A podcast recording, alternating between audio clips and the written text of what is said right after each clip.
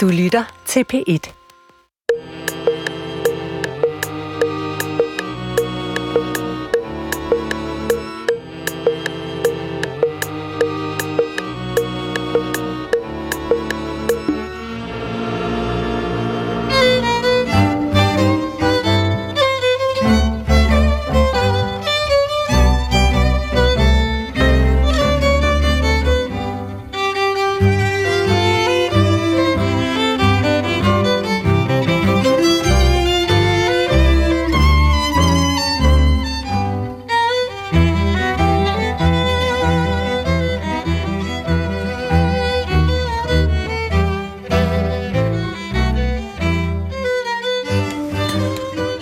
Goddag, mit navn er Peter Lund Madsen, og rigtig hjertelig velkommen til Hjernekassen på P1.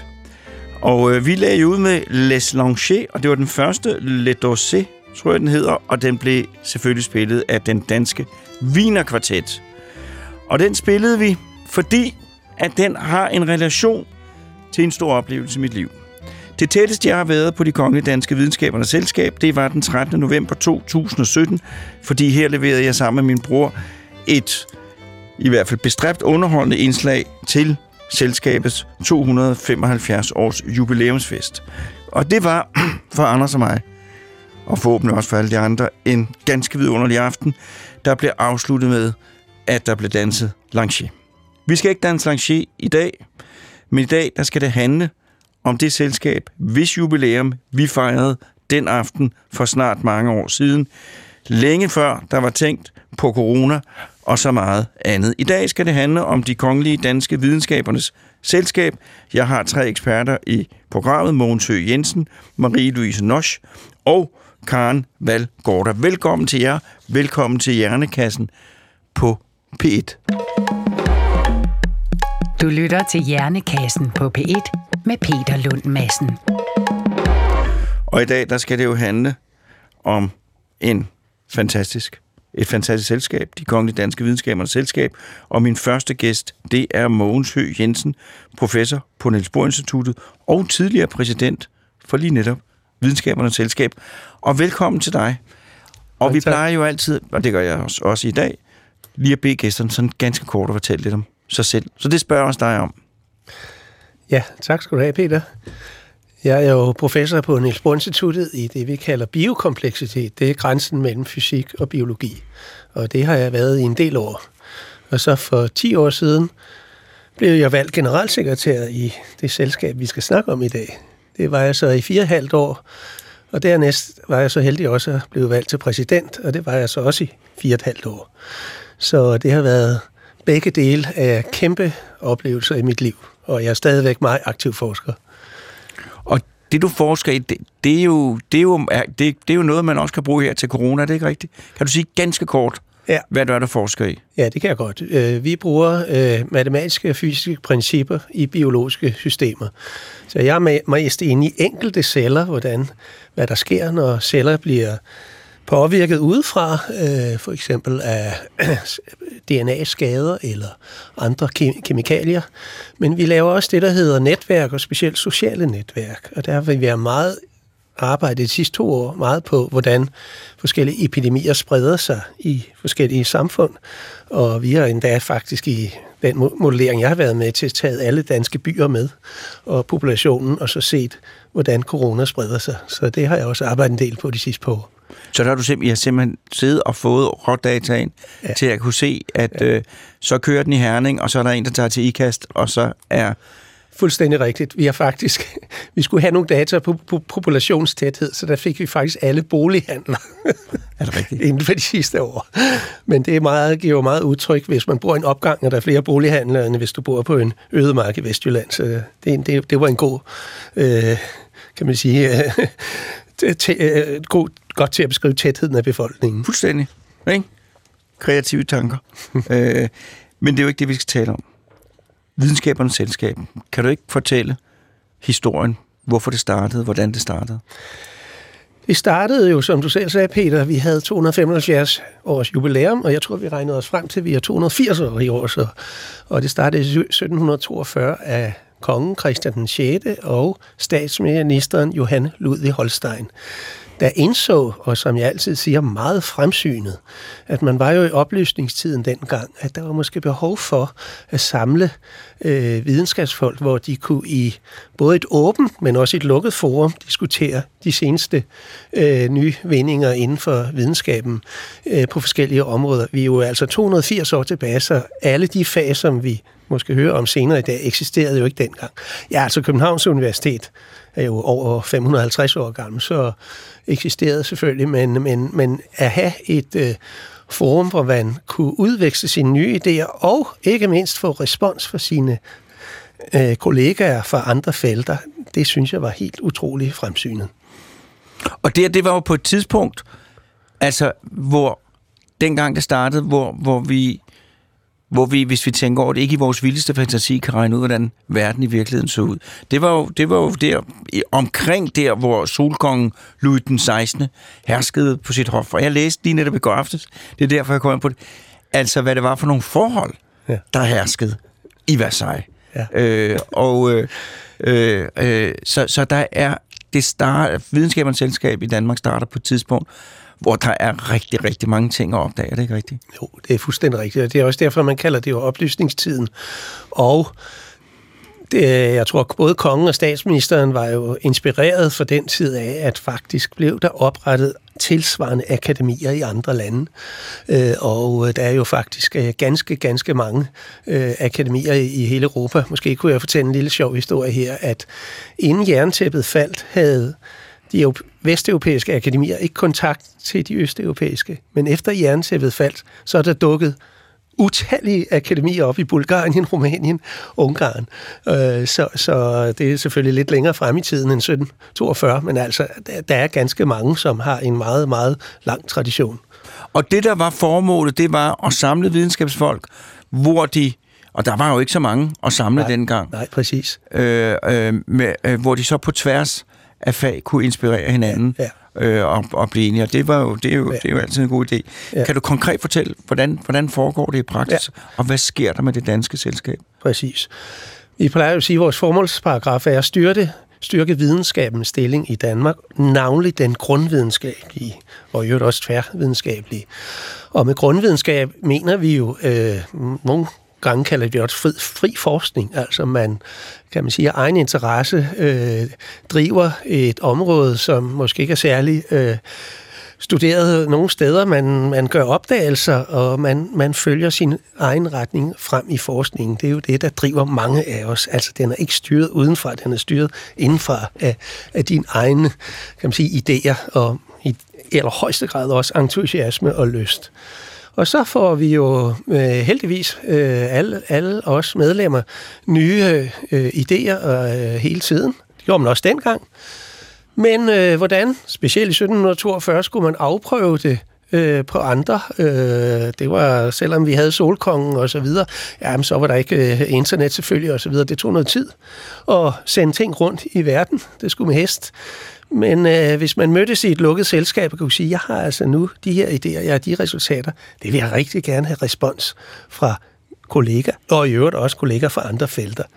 Og det er jo derfor, vi har de lukkede møder, hvor det kun er medlemmerne, der er. Fordi der kan man så øh, kan, måske skal jeg bruge ordet tilladelse og fremsætte nye spændende idéer, som ikke er måske 100% vandtætte. Måske falder de, måske holder de, men man kan få en diskussion og en respons i lukket forum, uden det kommer ud. Altså for os videnskabsfolk er det uhyre vigtigt, jeg kommer fra naturvidenskab, men det er det også for de andre felter, at at ens resultater holder vand. Altså, det er, jo, det er jo ens karriere, der står på spil, hvis man, kan man sige, har et meget banebygget resultat, hvis det ikke er rigtigt. Derfor skal, det jo, skal man jo være sikker, og, og det er jo et fantastisk forum så at diskutere det, og det foregår stadig ved det, vi kalder vores medlemsmøder. Men det har man jo også set her ved coronakrisen, hvor vigtigt det er. Vi vil jo alle sammen så gerne have informationer så hurtigt som muligt, ja. men hvor stor skade forkerte resultater kan skabe, ikke? I den grad, og øh, der er jo masser og masser af eksempler af for eksempel øh, lægemidler, der ikke var testet godt nok, men der er jo også i naturvidenskab, hvor jeg kommer fra fysik, været resultater, som folk ikke kunne eftervise senere hen. Det kan så være af ren og skære, at folk har lavet en fejl i, øh, og det er langt de fleste tilfælde, en fejl i, i deres eksperimenter, og så kommer andre og efterviser det bagefter og siger, der var en fejl, og det foregår så helt kan man sige, videnskabelig praksis, at så, ja, så er det det nye, der gælder. Det sker også, at der er lavet fake-resultater, at man øh, har, har konstrueret resultaterne. Heldigvis ikke mange. Og så finder man jo meget hurtigt ud af, at senere, de holdt altså ikke vand. Ja. Og det er det værste, der kan ske. Det er, det er Og jo det er- selvfølgelig, så må folk, øh, kan man sige, finde en anden karriere. Og det er jo også fuldstændig, fordi hvis, altså, hvis, vi, hvis man ikke kan stole på videnskaben, så kan vi godt lukke Ja, øh, 100 butik. Ja. Og det skulle jeg hilse at sige, det kan I godt. Ja, men det, godt. det, det tror jeg også, de fleste, sådan er de fleste generelt gør. Ja. Øh, så bliver Carlsbergfonden, og Carlsberg bliver ind i de kongelige danske videnskabers selskabshistorie på et Ja. tidspunkt. Hvad er det, der sker? Det er jo en fantastisk historie, øh, og jeg elsker at fortælle den. Og tak fordi du spørger, fordi hvis man ser øh, den fremragende tv-udsendelse, jeg tror er 20 år gammel, måske mere, Bryggeren, så er det jo sådan, at øh, Brygger Jacobsen, som grundlag Carlsberg, han havde en søn, der hedder Karl, det er derfor, det hedder Carlsberg. Og han ønskede, at Karl skulle blive ingeniør, og pressede ham rigtig meget. Det er fantastisk. Brygger Jacobsen er Fritz Helmut, sønnen af Søren Sætter Lassen. Man skulle, ja, måske den findes på hjemmesiden, og det er. Øh, at så mm, kan øh, søn Karl desværre ikke bestå eksamenerne på Polyteknisk Læreranstalt, fordi han begynder at stamme, og han opgiver faktisk. Og det bliver øh, øh, gamle Brygger Jacobsen øh, meget øh, sur over. Arg over hedder det vel. Og øh, han var, havde gået til forelæsning hos Ørsted, som jo vi fejrede for, øh, for to år siden. Og øh, han var meget, meget inspireret af naturvidenskaben, og øh, Ørsted spillede, spillede en stor rolle. Det kan vi måske komme tilbage til, videnskabens selskab. Og øh, Brygge Jacobsen begyndte at tænke mere og mere og mere på videnskabernes selskab. Og det ser man også i den sidste afsnit af Bryggeren. Nu skal jeg ikke bruge for lang tid på det, men han nævner, hele tiden, hvad med videnskabernes selskab? Og det gør hans kone faktisk også. Og øh, så sker der altså det i 1876, at Brygger Jacobsen testamenterer hele bryggeriet til, til videnskabernes selskab med samtidig oprettelse af Carlsbergfondet. Og vi øh, bor nu samme i samme bygning på H.C. Andersens Boulevard, hvor i øvrigt, som i øvrigt også bygget af Brygger Jacobsen og blev indvidet i 1899. Vi er på anden sal, og Carlsbergfondet på første sal. Og Carlsbergfondet har så øh, omkring 70 procent af de aktiegivende aktier i Carlsberg AS, så vi kan sige, at Videnskabens Selskab og Carlsbergfondet sammen øh, ejer øh, Carlsberg Bryggeriet og aktiemajoriteten. Det er en utrolig historie. Og det vil sige, at kapitalen ligger i Carlsbergfondet og ikke i Videnskabernes Selskab. Men jeres historie er, har fra den tid været vævet ja. sammen, både med Carlsbergfondet og med, med, med Carlsberg. Fuldstændig. Altså, der er jo daglig forbindelse, det kan både den nye præsident og jeg øh, sige, mellem anden sal og første sal, altså hele tiden. Og vi vælger jo blandt vores medlemmer bestyrelsen i Carlsbergfondet og Carlsberg AS. Så det hænger, det hænger Det sammen. hænger fuldstændig sammen. Ja, og det er jo en fantastisk øh, gave til landet, at ja. Vi har øh, et Ja. så stort firma, Mhm. som jo er, er, er tilhører Ja. øh, kultur og, og videnskab. Og jeg havde meget tæt kontakt med mange præsidentkolleger rundt i verden, og så brugte jeg jo altid øh, tre minutter på at fortælle den her historie, og, og de kunne jo overhovedet ikke forstå, at et, aka- et videnskabeligt akademi også har verdens brygger- tredje største bryggeri. Noget bryggerivirksomhed. Ja. ja. Men det er jo et bryggeri, må vi jo sige, som jo har, har leveret øh, store bidrag til videnskaben. De øh, Absolut. rengjorde ølgæren og gav den gratis. Præcis. Det er jo den Heineken har nu. Ja. Tænkt på det. Og der var også noget med pH-bestemmelse, og jeg ved I ikke... den grad, ja. Ja. Hvad laver man til møderne? Ja, det er et uh, rigtig godt spørgsmål. Vi har jo møde uh, hver 14. dag, syv i foråret, syv i efteråret. Og uh, der er altid to foredrag. En, vi har jo to klasser, det vi kalder den naturvidenskabelige biologiske og den humanistiske samfundsvidenskabelige klasse. De er næsten lige store. Og øh, der er altid et foredrag, og vi kalder det en meddelelse. Og det har- ligger jo lidt at gøre med, hvad jeg sagde før. Det er en meddelelse, som kan man kan argumentere imod. Øh, så der er en meddelelse fra naturvidenskab og en fra øh, humaniora. Øh, da jeg blev medlem for, ja, det blev allerede over 2000, der, der var de ret lange, og jeg gjorde en hel del ud af at gøre dem kortere, fordi det er diskussionen bagefter, der er det Ja. vigtige. Der kommer man så og fremlægger virkelig sine seneste re- forskningsresultater. Det er ideen. Men på en pædagogisk måde, så alle kan forstå det.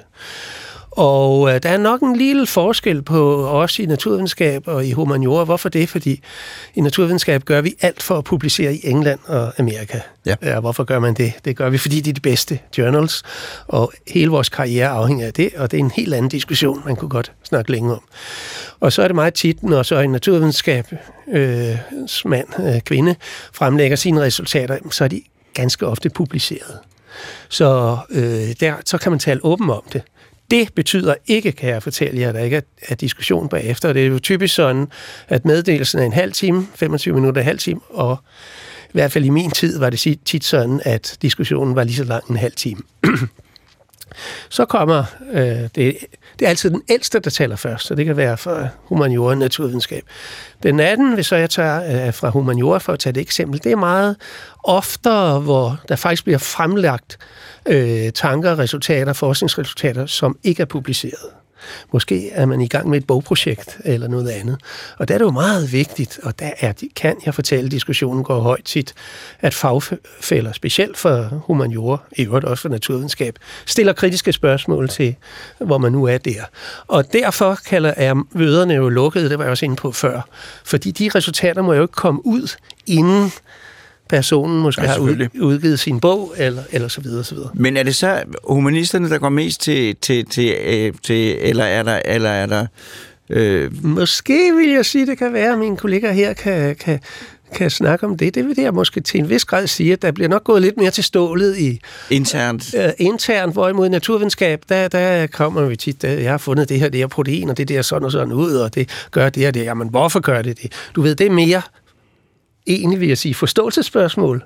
Øh, måske øh, i humaniora med lidt mere kritiske borgerne spørgsmål. Men, Men det er jo også, fordi det, ikke, det er jo også fordi, det, ikke, det, det, er jo en, det er jo et arbejde i proces. Det er en i proces. Øh, så var der jo Ørsted, som jeg gerne vil høre ja. noget om, og jeg vil også gerne høre noget om de andre store ja. personligheder, der har været med Præcis, præcis, præcis. Uh, vi, har, vi har jo to sådan, uh, nu, nu uh, skal jeg passe på, jeg kommer fra fysik, men uh, min kollega, præsidentkollega sagde, at jeg skulle fremhæve dem. De er begge to fysikere, H.C. Ørsted og Niels Bohr, som begge har øh, spillet en helt kolossal vigtig rolle i, i selskabets historie. Altså, øh, H.C. Ørsted var sekretær, kaldte man det Nu har vi en generalsekretær, et meget bedre ord, for det siger lidt mere, hvad det er, i 36 år. Det, øh, jeg plejede at sige, at det er den længste, det er det faktisk ikke. Der er faktisk en, der sidder længere, men ikke lige så kendt. Og øh, spillede en kolossal rolle i at, kan man sige, øh, øh, også øh, vise selskabet til øh, omverdenen. Det er jo noget, måske vi kommer ind på om lidt. Altså, vi vil jo, nu fortalte jer om de lukkede møder, men vi lige så meget, eller nok egentlig mere interesseret i at vise os udad til med offentlige foredrag og Nobelprisforelæsning osv. osv. Og Ørsted gjorde en hel del ud af, Altså, han havde jo stort set alle positioner i København, man kunne have. Så han gjorde en del ud af at, at, at vise selskabet udad til, og jeg nævnte jo før, Brygger Jacobsen blev en kæmpe fan af Ørsteds det Ørsteds forskning er jo helt utrolig øh, spændende. Vi ved alle sammen, at elektromagnetismen er fantastisk, men han har også beskæftiget sig med for eksempel kirkeklokkers ringe, bare for at tage et eksempel. Og vi har jo udgivet hans samlede værker, der fylder uha, tusind sider, tror jeg, hvis ikke mere. Så ja, så han var generalsekretær. Og så har vi har jo i ledelsen, har vi altid, som jeg var inde på i starten, en præsident og en generalsekretær, men siger, at de to personer tegner selskabet. Så øh, Niels Bohr øh, øh, blev så i øh, 30'erne og 40'erne præsident for øh, Videnskabens Selskab, og øh, Niels Bohr var jo på det tidspunkt Nobelpris øh, modtager. Det fejrede vi øvrigt 100 år for i år, og vi kalder det faktisk Bohråret inde hos os. Og øh, han var jo en utrolig øh, toneangivende øh, person i selskabet. Øh, sjovt nok måske ikke lige så udadvendt som Ørsted, og det er egentlig, når man kan læse om de to personer. Øh, jeg er meget stor fan af begge to, men hører jo ombord på mit arbejde hver dag. Altså han var måske nok lidt mere tillukket. Øh, så, så, men, men altså stadigvæk havde mange diskussioner. Der er, der er en lille historie, jeg næsten må have med. For vores anden Nobelpris til August Krog. Ja. Øh, var meget gode venner med Bohr, i hvert fald indtil øh, sine sidste år, fordi August Krog følte, at videnskabens selskab var for lukket. Og specielt måske nok at Bohr ikke gjorde noget for at åbne det op. Så han skrev et brev, jeg kan anbefale alle at læse, det er fantastisk formuleret, hvor han sagde, at øh, jeg kan nævne nogle få ting. Øh, selskabet er ikke udadvendt nok, de deltager ikke nok i den videnskabelige politiske debat, og i øvrigt synes jeg, at vi skal have et forskningsråd. Øh, Øh, jeg, har, jeg har det brev, øh, det er helt offentligt. Det er fantastisk velformuleret, og i øvrigt ender han så med, jeg vil gerne vælge mig ud af videnskabens selskab. Det er jo så lidt interessant, for i vores statutter står der overhovedet ikke noget om, hvordan man melder sig ud. Altså i store stil plejer vi at sige, at man ikke kan. Okay. Uh, først fik så uh, uh, Krog at vide, at man kan ikke melde sig ud. Uh, det er ligesom en rockerklub, du kan ikke bare melde ud. nej, nej. Han fik først at vide, at det kan professor Nobelpris, det er også Krog, det kan de altså ikke. Der sagde man jo nok dis. Øh, ja, men hvad, hvad sagde han, det vælger altså, og så videre, og så videre. Og det endte med, altså det er en lille, lille smule folkehistorie. Altså han blev vist nok udmeldt, for jeg har, har kigget i, at, at, at han, han kom ud af medlemsskaren, hvis nok, men døde faktisk to måneder senere. Så, øh, men det er, jo, det er jo en lidt interessant historie. Og hvad skete der? Alle de punkter, som Bor, øh, øh, øh undskyld, Krog stillede op, er selvfølgelig kommet til deres ret. At vi har meget, meget tæt kontakter til den øh, politiske verden, mødes en til to gange om året med den siddende forskningsminister. Vi er meget, meget udadvendte med vores aktiviteter, og i allerhøjeste grad kom der et forskningsråd, som jeg mener kom i slutningen af 60'erne, og jo er der fem nu. Så alle Bors øh, Krog. øh, Krogs, Krogs punkter og i øvrigt, øh, Bohr var jo en klog mand. Øh, han kunne jo godt se, at, at der var noget, noget fornuftigt i det. Men der er også, jeg kan sige, der er helt sikkert en tv-serie gemt i at fortælle historien omkring August Krog og hans affølgere og det store, ja. den store epoke i fysiologiens forskning. Ja, og, og Krog var jo uddannet af Niels Bohrs far. Jamen lige netop. Og han fik nogle øh, videnskabelige øh, børn, som trak deres spor lagt op i det laboratorium, hvor jeg var. Langt, langt. Og det var saftige historie, kan jeg godt sige. Ja, tak. Ja, ja men øh, ja. det er en anden. Det er en anden. Ja, fuldstændig. Det er en anden, ja. det er en anden ting. Tusind tak. Indtil videre. Du lytter til Hjernekassen på P1 med Peter Lund Madsen. Og i dag der handler det om de kongelige danske videnskabernes selskab, og jeg har lige talt med Mogens Høgh Jensen, som er tidligere præsident for Videnskabernes Selskab, og nu skal jeg tale med den nuværende præsident for Videnskabernes Selskab, Marie-Louise Nosch, antikhistoriker, professor, ansat på Københavns Universitet. Er det ikke også rigtigt? Det er rigtigt. Yes. Tak fordi du vil komme. Nu har jeg jo sagt noget af det, men kan du fortælle lidt mere om dig selv? Ja, jeg hedder som sagt Marie-Louise Nosch, og jeg blev valgt som præsident for halvandet år siden. Så det er en helt ny øh, ære og et nyt værv i mit professionelle liv. Jeg har øh, arbejdet med det gamle Grækenland og indskrifter fra det gamle Grækenland fra bronzealderen, og jeg har arbejdet med tekstilhistorie i mange år. Øh, så det her det, er, det giver mig nu en mulighed for at se på videnskaben på en meget bredere måde. Det er det, der er hele essensen med videnskabernes selskab. Det er, at det er alle videnskaber, der er samlet på et sted.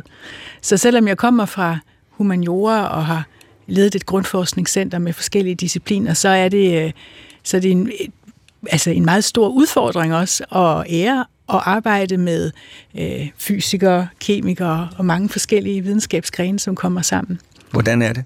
Ja, men det er også, der, jeg lærer noget ved hver eneste møde. Og som præsident skal man jo også gerne øh, være klar med et spørgsmål en gang imellem og øh, læse lidt op på sagerne. Så jeg, jeg har lært øh, rigtig meget om proteiner og alt muligt fra fysikkens verden.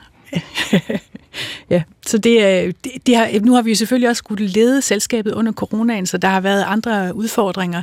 Men for mig personligt har det været fantastisk ligesom at komme tilbage i en uddannelse og kigge og få det her greb på hele videnskaben. Og det, jeg synes, der også er spændende, det er, vi er jo en lille forsamling, meget lille elitær udvalgt skare af forskere i videnskabernes selskab. Hvor mange er der? 250 medlemmer ja. er der i Danmark, og så er der 250 udenlandske medlemmer. Og, øh, men alligevel, så vil jeg sige til møderne, så er der en meget generel forståelse på tværs af videnskaberne om, hvad er rigtigt, hvad er interessant, hvad bringer videnskaben videre, øh, som, som jeg ikke havde helt, øh, jeg tror ikke, jeg havde set på samme måde før øh, jeg gik ind i arbejdet i videnskabernes selskab. Altså der er en, en de skæld, vi måske taler om, vi taler om, at der er en naturvidenskabelig klasse og den humanisterne, og, men i virkeligheden så tror jeg, at, at vi er meget samlet om, vores livsopgave, som er at finde ud af, hvad er rigtigst her. Det er ikke altid, vi kan finde ud af, hvad er det er altid det rigtigste, men hvad er mere rigtigt end andre ting, og hvordan får vi, kommer vi videre med videnskaben. Og det er egentlig lige meget, om det har med øh, linguistik at gøre, eller atomfysik, så, øh, så synes jeg, at der er den her ja, fælles interesse. Men der vil jeg jo også sige, altså der er jo meget humaniora, altså nu vil jeg jo sige, jeg udspringer fra den naturvidenskabelige tradition, der er jo meget humaniora, som jeg lige med det samme kan sætte mig ind i og forstå. Ja. Og forudsætte det der, det er jo bare en forlængelse af det, jeg har lavet med nogle andre metoder. Ikke? Ja. Og så er der jo noget humaniora, hvor, jeg, hvor min uddannelse kommer til kort, hvor er det nogle helt andre øh, tilgange, Ja. øh, øh, der skal til. Men alligevel kan man godt få det, kan, kan, selvfølgelig kan man det, så er der en fælles overordnet forståelse om, at det vi, vi er på jagt efter i en eller anden forstand, at komme så tæt på sandheden, som man kan komme på den. Jeg tror Eller også, at rejse mod sandheden. Ja, og jeg tror, at altså, selskabets mission er jo, at vi skal forenes. Vi skal have altså, det forenede, den forenede videnskab. Og det var nok lidt mere muligt i 1742, fordi man faktisk kunne læse hinandens videnskabelige arbejder og forstå hinandens arbejder. Ja. Ja. I dag er vi så mange, og videnskaben er så forgrenet. Men overordnet alligevel vil jeg sige, at den... Øh, ja, de skæld, vi ellers kan, kan se på universiteter og sådan noget, synes jeg ikke, man ser på samme måde, når man sidder samlet, samlet i et rum.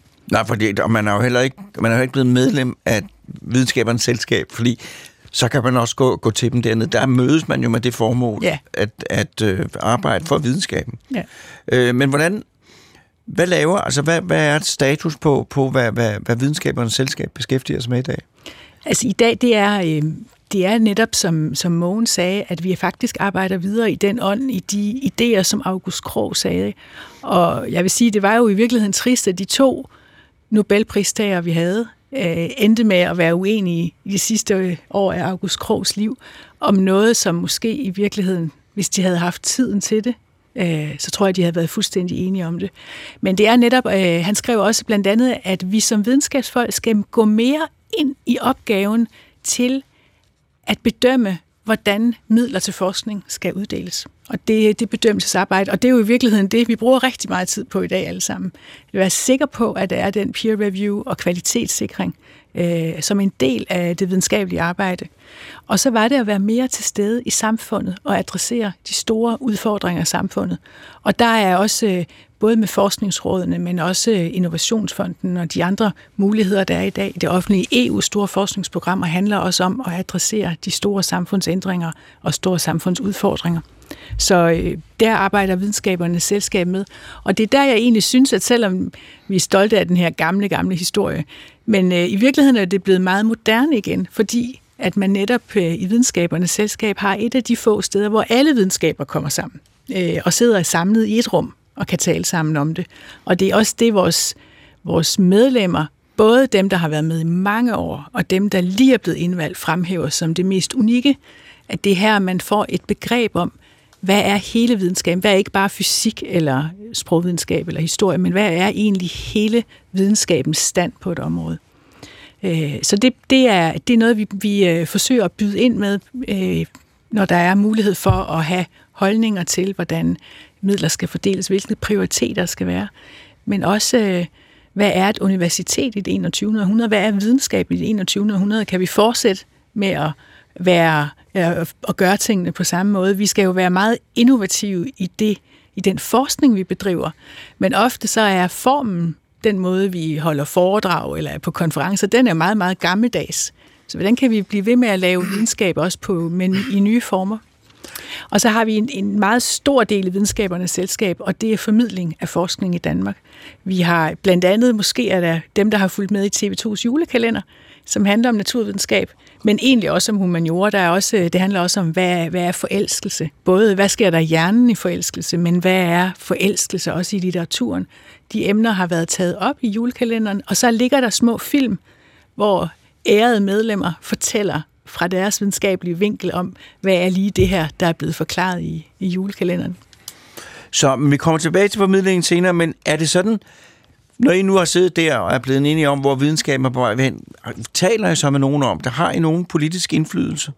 Øh, ved at tale med, med forskellige instanser. Ja, altså og det kan vi jo, det er jo også meget om, hvordan, hvad meget vi selv lægger i og ønsker det, men som Mogens fremhævede, så er der dialog med ministeriet og ministeren med forskningsrådet, øh, og så har vi også netop på grund af vores historiske relation til Carlsbergfondet, også til andre fonde, de store private fonde, en dialog om, hvordan man kan kigge på jeg vil sige, måske er det netop en, øh, en kernekvalitet, det det lange perspektiv, det lange træk, som videnskabernes selskab repræsenterer, og som går langt ud over, øh, hvor lang tid man er valgt som minister, men kan se måske i 10 eller 15 års perspektiv, hvordan videnskaben i Danmark øh, kan udvikle sig. Øh, det var noget, vi så med globaliseringsmidlerne, hvor man begyndte at kigge på de her lange perspektiver. Det er jo noget, vi, vi arbejder med nu og, og håber, at man igen kan sætte på dagsordenen, at for at for at skabe ny videnskab, så er det ligesom en have, der, der skal gødes jorden, der skal dyrkes, så det tager lang tid, før resultaterne kommer ud. I hvert fald i den type grundforskning, som vi repræsenterer. Så I, I er en indflydelsesrig organisation? Jeg håber, fordi at I repræsenterer, det er der en generel enhed om, meget kvalificerede videnskabsfolk, øh, og I har kontakter, så I er helt centralt, når videnskaben skal sige, det er det, vi synes er en god idé. Og det er der jo få, der vil være imod. Men så vil jeg jo så selvfølgelig spørge, hvordan bliver man så medlem af en så øh, erhverdig og indflydelsesrig jeg vil lige vil sige klub, men det er det jo ikke. Øh, ja. øh, selskab, så indflydelsesrigt selskab. Ja, det er, det er omgået med meget mystik og øh, hemmelighedskræmmeri, men jeg kan godt øh, røbe, at øh, det handler om, at man skal vælges af de nuværende medlemmer. Så det er en selvsupplerende forsamling, kan man sige. Øh, det er, der er, der er øh, jeg tror, omkring 12.000 mennesker, der arbejder inden for videnskab i Danmark, og vi har kun plads til 250 medlemmer. Og når man er medlem, er man livsvejt medlem. Så det vil sige, der er ikke særlig stor udskiftning, og der er meget hård konkurrence om at komme ind. Man, må ikke, man kan ikke selv søge om optagelse, men det er hemmeligt, og det betyder, at der er nogen i selskabet, som får øje på dig, Peter, og tænker, han vil jo være, vil jo være en gevinst for vores selskab. Ja. Og så er der så øh, medlemmer, der går sammen om at skrive en nominering, som så bliver øh, diskuteret. Både øh, man skal møde op og diskutere, og der er afstemning og sådan noget. Så det er en lang proces. Og vi optager i den humanistiske og samfundsvidenskabelige side optager vi seks medlemmer hver andet år. Øh, I naturvidenskab er det ni, så vidt jeg husker, ni hver andet år. Så du kan se, det er, det er meget, meget i forhold til det, den enorme mængde af talent, der er i dansk forskning. Vi ligger jo stadigvæk helt i toppen på verdensplan i dansk forskning. Så der er masser flere, vi kunne godt optage. Men er det så sådan, og det kan jeg jo selvfølgelig ikke, men det, er, det sådan, er der så en stor gruppe videnskabsfolk i Danmark, der føler, at de bliver holdt udenfor? Eller er der en generel spredt anerkendelse i samtlige videnskabelige kredse om, at, at, at I repræsenterer nogenlunde bredt dansk videnskab. Der er selvfølgelig nogen, øh, der sidder og føler sig forbigået og yeah. trist, hvorfor jeg ikke, men er der nogen grupper, der, der sidder og siger, det er også bare fordi, at de sidder på en eller anden fortolkning. Ved du hvad, det kan sagtens være, og det vil det nok altid være, fordi man, man der er, der er, det er meget prestigefyldt at blive medlem, og der vil være nogen, der føler, at de uretmæssigt ikke er kommet ind. Og det er sikkert også sket. Altså, vi kan jo også bare nævne det, at i rigtig mange år var der ikke nogen kvinder, der blev valgt ind. Så der er jo ikke, der er så få pladser, og derfor så er der også, og det vi observerer, det er jo også, at der er nogle bias. Vi har, øh, nu fortæller Mogens om den lange tradition, vi har for fysikere, og der er helt klart rigtig mange fysikere, der er medlem af videnskabernes selskab, fordi hos Ørsted fylder, Niels Bohr fylder. Der kan godt være, at kemikerne eller medicinerne tænker, ja. fylder de ikke rimelig meget? Altså skal der ikke være plads til andre videnskaber? De tekniske videnskaber tog det også noget tid, før de fik en plads, øh, og det er stadigvæk også lidt med klinisk forskning, at man tænker, at ah, dem mangler vi egentlig også, i forhold til, hvor stor klinisk forskning er i Danmark. Så, det, øh, så der vil altid være nogen, og vi, vi arbejder med i vores indvalg og se, om vi kan finde nogle nye metoder til at være sikre på, at vi repræsenterer hele eller i hvert fald har en intention om at repræsentere så bredt som muligt. Og det betyder for eksempel, at der er nogle fag, som vi ikke har ret mange repræsentanter for. Så vi prøver så særligt at gå ud og målrettet og se, hvad er det største talent for at få nogen for at blive repræsenteret. Fordi ellers så har vi ikke nogen legitimitet, hvis vi ender med kun at være få fag. Og desværre er det jo sådan, at når man, øh, når man først er i en faggruppe, så, så ser man ofte talentet hos andre, der ligner en selv. Fuldstændig. Den, øh, og når det så, øh, når ved afstemninger, så ender man ofte med at rekruttere nogen, som ligner en i forvejen. Så man er nødt til at have nogle mekanismer, der styrer lidt imod. Og det er blandt andet også en af de mekanismer, der gør, at man nu har jo flere og flere kvinder, der bliver valgt ind. Ved hver valg har vi halvdelen, der er valgt ind, der er kvinder. Og, og det, er, det er jo noget, der startede ret sent. Ja. Hvornår bliver den første kvinde valgt ind i de kongelige danske videnskabernes selskab? Det er i 68 eller 69 måneder. 68, 68 ja. Og hvor stor en procentdel af medlemmerne? I dag er der cirka 20 procent, der er kvinder. Og øh, der kan man sige, det, det er nogenlunde det samme som kvindelige professorer på universitetet. Der er vist 23 procent i gennemsnit, så det er det svarer nogenlunde til den ratio, der er på universiteterne. Der hvor selskabet, og det er ikke kun det danske videnskabernes selskab, så var det også i Frankrig og i England, det er, at universiteterne var faktisk meget tidligere ude til at tillade kvinder at studere. Men øh, de videnskabelige selskaber var meget sent. I England var det efter 2. verdenskrig, at de første kvinder blev optaget i videnskabelige selskaber, og i Danmark som sagt i 68. Ikke? Så det er, hvor man, hvor man øh, jo havde tilladt, at kvinder allerede fra slutningen af 1800-tallet kunne studere og tage en uddannelse. Vi har en undskyldning. Ja, Måns. Den skal du lige med. At mm. Marie Curie blev udenlandsk medlem i 20'erne.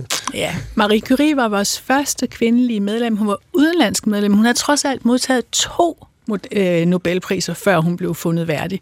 Så jeg ved ikke, hvor, hvor god en undskyldning det er. Men hun var der. Men hun var der. Ja. Hun var der. Ja. Øh, men det er, men, men, øh, men jamen, vi har ikke tid til mere med det. Hvis der ikke er noget, du sidder og brænder ind med. Jeg har en anden ting, jeg gerne vil snakke med dig om. Ja. Øh, her.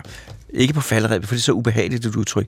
Øh, podcasten. Ja. I laver en podcast. Fortæl lige lidt om den, for det vil jeg øh, gerne høre. Vi har øh, vi startede en podcast-serie under coronaen, der hedder Videnskabens Vidner, fordi at selvom vi bor i et fantastisk flot hus, som Mona, Mogens har fortalt om, så er de ægte kronjuveler, det er jo vores medlemmer. Og vi har nogle, øh, vi har livsvejet medlemskab, og nogle af vores medlemmer er over 80 og stadigvæk meget aktive i videnskaben. Så i Videnskabens Vidner bliver medlemmer i videnskabernes selskab, der er over 80, interviewet af et yngre kollega om deres karriere, om hvorfor de kom ind i videnskaben, og hvordan deres fag har udviklet sig. Altså, hvordan opstod computer science? Hvordan har psykologi ændret sig? Hvordan har øh, forskellige fag øh, udviklet sig i de sidste 50 år?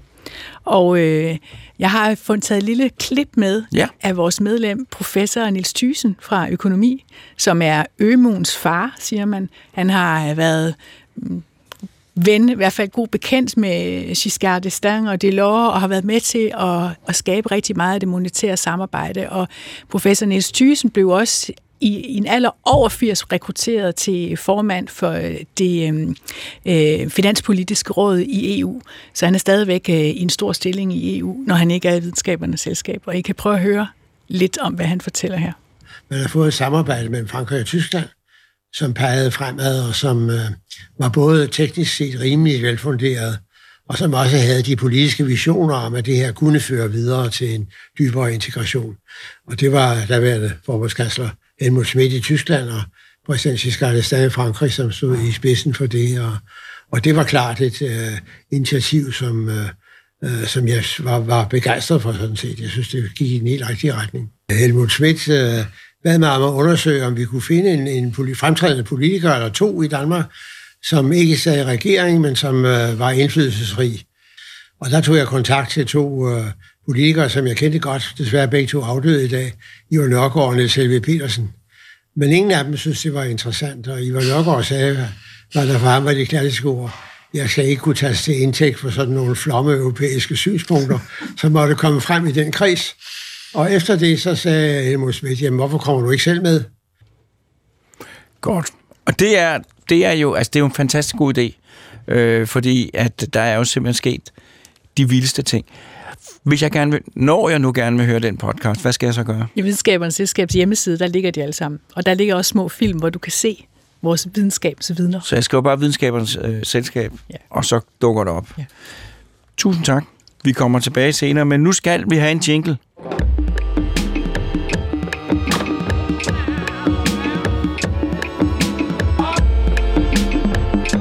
Lytter til Hjernekassen på P1 med Peter Lund Madsen. Og i dag der handler det om videnskabernes selskab, og vi har jo hørt om videnskabernes selskab gennem historien, men nu skal vi høre om en anden del af videnskabernes selskab, det unge akademi. Og min tredje gæst, det er Karen Valgarda, lektor på Saxo Instituttet. Og du er forkvæ- forperson, øh, forperson øh, for det unge akademi. akademi. Er det ikke rigtigt? Det er rigtigt, jo. Fuldstændig. Og tak fordi du vil komme. Vil du ikke også fortælle lidt om dig selv og Saxo Instituttet, hvad I laver? Det vil jeg Det gerne. behøver ikke at være øh, den store bank, ganske kort lille ting. Ja, jeg hedder Karen Valgårda, som du sagde, og øh, jeg er lektor i historie på Saxo Instituttet. Øhm, og Saxo Instituttet har også en række andre øh, fag, hvor vi, øh, vi har latin og græsk og arkeologi og etnologi foruden øh, historie. Øhm, så vi er bredt fagnende, kan man sige. Det kan man Arbejder sige. med fortidige problemstillinger af forskellige art, og også nutidige for den sags skyld. Øhm, og øh, jeg arbejder med øh, moderne kultur- og socialhistorie, øh, særligt med familiens historie. Jeg har skrevet om skilsmissernes historie blandt andet, og barndomshistorie øh, i det 19. og 20. århundrede. Og så har jeg i det seneste år også været forperson i det unge akademi. Øh, Familiens historie. Jeg læste en fantastisk bog, øh, jo, det var det, om, om en, en rockerkrig, der var... Øh, bullshit hedder den. Det er en dejlig bog. Eller ikke en dejlig bog, det er en, en lærerig, fantastisk bog. Og der blev jeg genintroduceret til et begreb, familiehistorisk begreb, som jeg fuldstændig havde smidt ud, og det var begrebet at blive smidt ud hjemmefra. Fordi det blev man dengang, jeg gik i, øh, i, i folkeskolen, og begyndte, så hvis man ikke kunne opføre sig ordentligt, så blev man smidt ud hjemmefra. Mm. Øh, og det bliver man jo ikke mere. Øh, så jeg, en af de store oplevelser, jeg fik ud ved at læse den bog, det var, hvor meget tingene har ændret sig. mm. Meget dramatisk på meget, meget kort tid. Så det må være et, et spændende emne Det er det. at det bevæge meget- sig ja. med. Det synes jeg, det er et fantastisk spændende emne, og også altså, mange ting, som vi tager for givet, eller finder naturlige i den måde, vi indretter os på, hvordan vi opdrager vores børn, hvordan vi omgås vores ægtefælde osv., og se på det historisk øh, set, så kan man jo, eller et historisk perspektiv, så kan man se, hvordan alle de der, sådan, det der forekommer os allermest naturligt faktisk, er flettet sammen med skiftende juridiske, politiske og sociale og økonomiske vilkår. Øhm, så, så tingene forandrer sig meget mere, end man måske umiddelbart tror. Og det er jo ærgerligt, min morfar ikke lever mere, fordi der er et helt forskningsprojekt i familiehistorie gemt i, hvordan han kørte sin familie. Men det er en, en Det være, anden du skal historie. lave slægtsforskning, så, Ja, men det er en, det, hvis du først går ned ad den gade, tror jeg, så sidder du fast. så, så kommer man aldrig tilbage.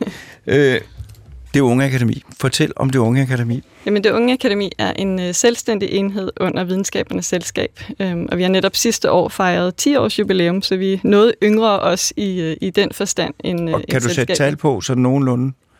Øh, hvor, altså, hvor gammel er man, når man er i, i, det, i, det, i det klassiske ja, men- videnskabernes selskab, og hvor gammel er man typisk hos jer? Øh, I det klassiske selskab mener man er over 60 i hvert fald, når man bliver optaget typisk. Øhm, eller, Omkring 50. Omkring 50, ja, okay.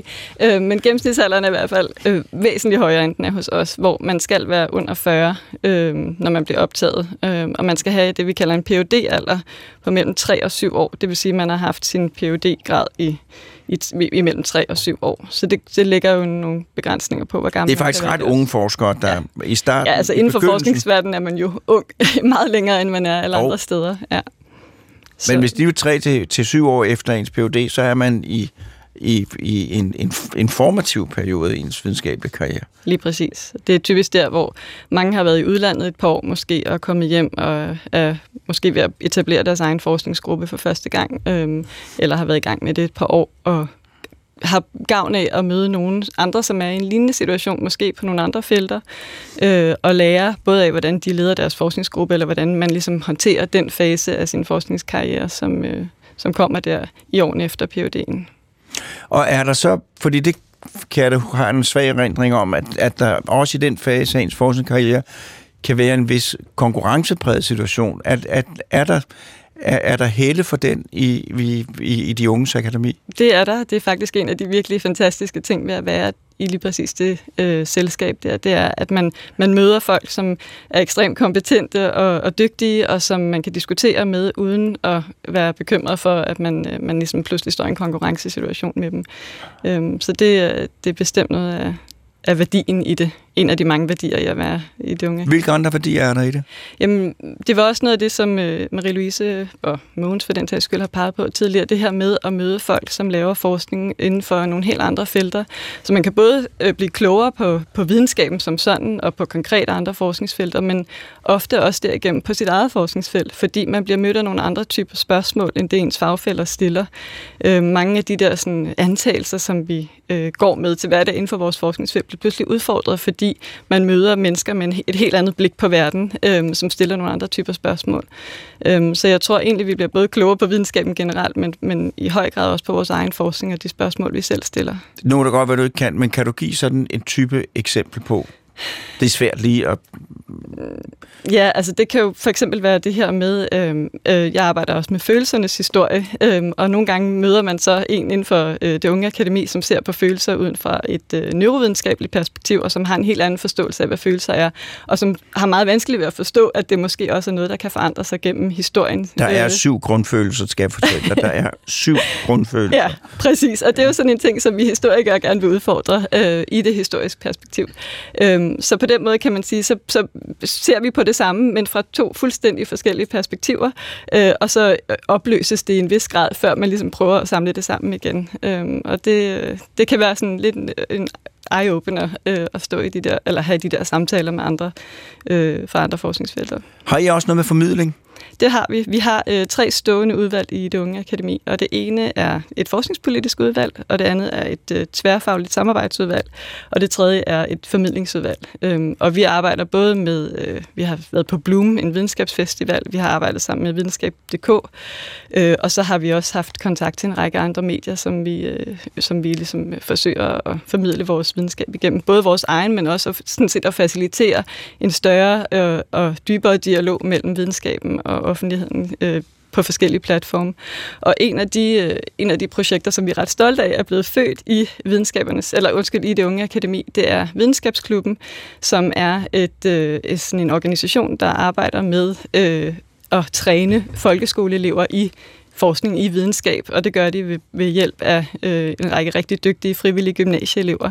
Øhm, og den ideen til den her videnskabsklub, hvor, hvor børn kan gå til videnskab, den, øh, den blev født i det unge akademi og har også stadig sådan tæt forbindelse til det unge akademi, fordi det er medlemmer, typisk er det unge akademi, der er med til at udvikle de projekter, de eksperimenter og øh, læringspakker, som de arbejder med i, i videnskabsklubben. Og det er rent faktisk gået hen og er blevet en, en, en rigtig stor organisation, som er til stede på skoler over hele landet. Præcis. Øh, og hvis man gerne vil, vil, vil, vil have kontakt, eller spørge, om det kunne være muligt, at det kom til en skole, hvad gør man så? Men så er det videnskabsklubben, som nu er fuldstændig selvstændig og uafhængig, ja. og så vidt er det unge akademi organisatorisk. Ja. Nemlig, ja. Så går man ind, så googler man... Øh, videnskabsklubben ja. og finder den ret hurtigt. Ja. ja, og så tager man derfra. Øh, hvordan bliver man medlem? Fordi det er jo lidt anderledes det er det lidt med, anderledes. End det med, med, med selskabet. Det er det. For det første kan man kun være medlem i fem år, øhm, så det er ikke det der livsvarige medlemskab, vi har. Så man kan øh, ikke sætte sig ned på stolen med nej, den samme... desværre. Man bliver ikke ved med at være ung, selvom man godt kunne ønske sig det, når man er der. Øhm, men øh, det foregår faktisk ved en ansøgningsrunde. Øhm, så en gang om året bliver der lavet et opslag, øh, og så kan man som yngre forsker søge om at blive optaget i det unge akademi. Øhm, og det er, der, der er der både med, at man skal sende et CV og en publikationsliste, og en motivation for, hvorfor man gerne vil øh, være i det unge akademi, hvad man kan bidrage med til det unge akademi. Øhm, og så bliver der så lavet en shortlist, og på baggrund af den øh, kommer man til interview, hvor man sidder foran en, en perlerække af folk. Det sådan, kan kan jeg forestille mig, kan være lidt intimiderende, for der sidder en række både medlemmer af det unge akademi fra forskellige faggrene og to observatører fra præsidiet i videnskabernes selskab. Øhm, og så bliver man så udspurgt øh, på kryds og tværs, øh, og på baggrund af det interview kan man så øh, blive optaget. Og hvor mange bliver der optaget om året? Omkring 8. Og hvor mange ansøger cirka? Omkring mellem 70 og 80. Okay, så hvis man ikke kommer ind, så kan man sige, der er jo rigtig mange andre, der heller ikke kommer ind. Præcis, ja. ja. Og så kan man søge igen næste år. Det kan man, indtil man bliver for gammel. Ja, ja. så bliver det ikke det. Hmm. Men hvordan adskiller, du kan jeg jo godt se, men, men jeg vil godt høre mere detaljeret, øh, hvordan adskiller jeg fra, fra, fra selskabet? Ja, altså det ene er jo det her med, at man kun er medlem i fem år, øhm, og det gør jo nok, at mange øh, lægger rigtig mange kræfter i det unge akademi i de år, de er med, fordi man ligesom skal have så meget ud af det som muligt, mens man er der. Øhm, og, og det gør jo også, at der sker rigtig meget i det unge akademi hele tiden, på trods af, at vi kun er 40 medlemmer, eller omkring 40 medlemmer. Øhm, og nogle gange tænker jeg lidt på det unge akademi som sådan ungdomspartiet sammenlignet med, med moderpartiet, fordi vi også måske er lidt hurtigere til at rykke ud øh, og have holdninger til forskningspolitiske debatter. Øh, og, og, og ligesom, ja, der er virkelig mange initiativer, der sådan er, er affødt af det unge akademi, og måske tør vi være lidt mere markante også i vores holdninger. Kan du give nogle eksempler? Jamen, det kan for eksempel være, øh, når det handler om øh, angreb på forskningsfriheden. Øh, der, det kan være enten med sådan konkrete angreb på forskningsfriheden, eller mere strukturelle strukturelle trusler mod forskningsfriheden, som handler om den måde, forskningen er finansieret på i Danmark. Der er vi meget ofte ude i, øh, i medierne og, og, og forsvare eller, øh, eller kritisere tilbage, hvis der nu har været øh, en konkret episode, eller hvad ved jeg. Det kan både være i sådan niche-medier som Science Report og Altingets forskningsafdeling, øh, så at sige, eller i, i den brede offentlighed. Øhm, vi har også samtaler med, øh, ligesom øh, vores moderselskab, med øh, ministeriet og med øh, forskningsrådene osv., så, videre. så vi har også sådan en, en politisk afdeling i, øh, og en politisk virksomhed. Øhm, og der tror jeg nogle gange, at vi, måske fordi vi er færre og hurtigere kan samle os, også kan, kan melde mere markant ud. Øhm, vi, jeg tror, vi er enige med selskabet, eller flertallet inden for selskabet på langt de fleste punkter. Øhm, og, og alligevel så tror jeg nogle gange, at vi ja, kan være endnu tydeligere, eller i hvert fald gøre det oftere. Men det er også fordi, det hele er jo, det, det, er jo, det er jo ungdommens friske blod, der bruser gennem jeres år, og så er det hele jo lidt mere, det der med de fem år, det giver jo en helt anden øh, dynamik ja. i, i, og perspektiv i det hele. Ikke? Jo. Og så, når de fem år er gået, så træder man ud af det unge akademi, og så er der de mange år, man skal rundt og, og vente på, at, øh, at måske kommer der. Ja. Øh, fordi det er jo ikke alle, der ved medlem af det unge akademi, som bliver medlem af det kongelige danske videnskabsselskab. Kan jeg jo regne ud øh, med en simpel øh, regning. Hvordan ser, nu spørger jeg alle tre, hvordan ser fremtiden ud? Vil I, vil I, øh, vil I, øh, hvordan ser fremtiden ud for de videnskabernes selskab, for de unge akademi? Er der nogle store forandringer forud, eller, eller hvad? Jeg tror, at fremtiden ser rigtig godt ud for begge to, fordi vi har jo en masse planer, både, øh, det kan Marie-Louise fortælle om i det øh, gamle akademi og det unge. Og jeg havde lyst til at fortælle før, jeg, kend, jeg har jo kendt, i og med jeg har siddet ni år, så alle fra første runde i det unge akademi, der er 10 år, og de siger, at de har kæmpe abstinenser, når de holder op. Uh, så så uh, så vigtigt har det været for dem, og der er lavet en alumneklub, og jeg hørte Karen sige forleden, at du har halvandet år igen, og det er allerede scary, så du ved, det, det er noget, der betyder meget. Ja, så røg de alumni-klubben.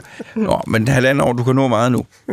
Hvad siger du, øh, hvad, hvad siger du, Marie? Altså, jeg, jeg mener, at netop de her år med corona har jo vist, at videnskaben er helt enestående vigtig for fremtiden. Så jeg mener, at både videnskabernes selskab og også det unge akademi øh, kommer til at spille en større og større rolle, og vi kan kun håbe, at vi bliver mere og mere involveret også i, i prioriteringer og beslutninger, øh, ligesom man også øh, tager universiteterne med, fordi det er virkelig meget, meget vigtigt, at, øh, og ikke kun biologerne, men øh, at videnskaben kommer på banen. Der kommer en masse, lige efter coronakrisen kommer jo også biodiversitetskriser, den grønne omstilling, og det er alt sammen noget, som videnskaben spiller en meget stor rolle i. Og det er netop øh, mere og mere sikkert, at det er hele videnskaben, der skal samarbejde om det. Det er ikke kun øh, et institut eller en lille gruppe.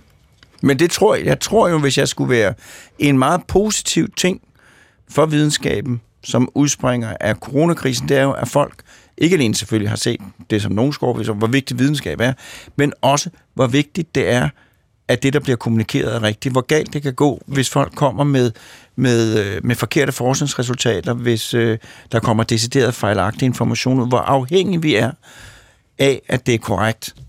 Så korrekt som muligt, ja. øh, det der bliver sagt. For det har der været masser af eksempler på. Og der kan man sige, selvfølgelig er det, øh, det, der, der er, det er et elitært projekt. Det, men øh, det er jo også det, der gør måske, at kvaliteten kan blive ved med at blive sikret, ligesom den bliver i forskningen, også på universiteter og and, også uden for universiteterne, at man er hele tiden efterspørger og diskuterer og er sikker på, at det bliver rigtigt, fordi det er, som du siger, øh, fake news, og øh, dem, der har ikke mere har tillid til videnskaben, er et langt øh, større problem. Men så vil jeg også gerne sige, at videnskab er utrolig interessant. Det er virkelig noget, der giver folk livsindhold og interesse, og vi kan jo se, at vi har i vores foredrag, det mylder ind med mennesker, allerede også fra øh, skolerne. Altså, så det er, også, det er også den dimension af videnskaben, som noget, der virkelig bare gør vores liv interessant synes jeg, vi skal jeg huske at enig. Jeg kender også rigtig mange, der går virkelig meget op i videnskab. Men det er rigtigt, øh, at det er en øh, det er en evig kilde til glæde. Ja. Øh, Men altså, det er jo også betegnende, at medlemmer af det unge akademi kan synes fem år er for kort tid, øh, fordi man bliver suget ind i det. Nu er vores tid øh, ved at rende ud. Jeg vil gerne sige tak til jer alle tre, fordi I kom. Og jeg vil også gerne sige tak for indsatsen øh, generelt. Og så vil jeg takke, det er jo, det er jo en stor tak, så vil jeg takke min producer, Morten Krøholt, som jo, øh, som jo altid sidder klar og sørger for, at afviklingen foregår efter de mest trygge og moderne principper. Næste gang, øh, der skal vi, det er jo ikke Saxo Instituttet, men det er historie. Det er Tom Buxvareni, der kommer og fortæller, og han skal selv have lov til at fortælle, hvad han fortæller om, og det ved vi ikke helt endnu, hvad det bliver. Øh, men, øh, men det vil vi finde ud af øh, i løbet af ja, den næste uge, til og med nu, her hvor jeg sidder her. Og ellers så er det kun at fortælle, at vi har simpelthen ikke brug for flere lytterønsker til emner, da vi har, altså vi har, Morten og jeg har en liste af relevante emner, som rækker langt ind øh, i flere cykler øh, af det unge akademi øh, medlemskaber. Øh, men det kan godt være, at nogle af dem når at blive forældet. Men i hvert fald, der er masser af gode emner, der venter. Forløbet er det historie næste gang, og der er kun en uge minus en time og tre minutter før det går løs igen. Tak for nu, og på genhør.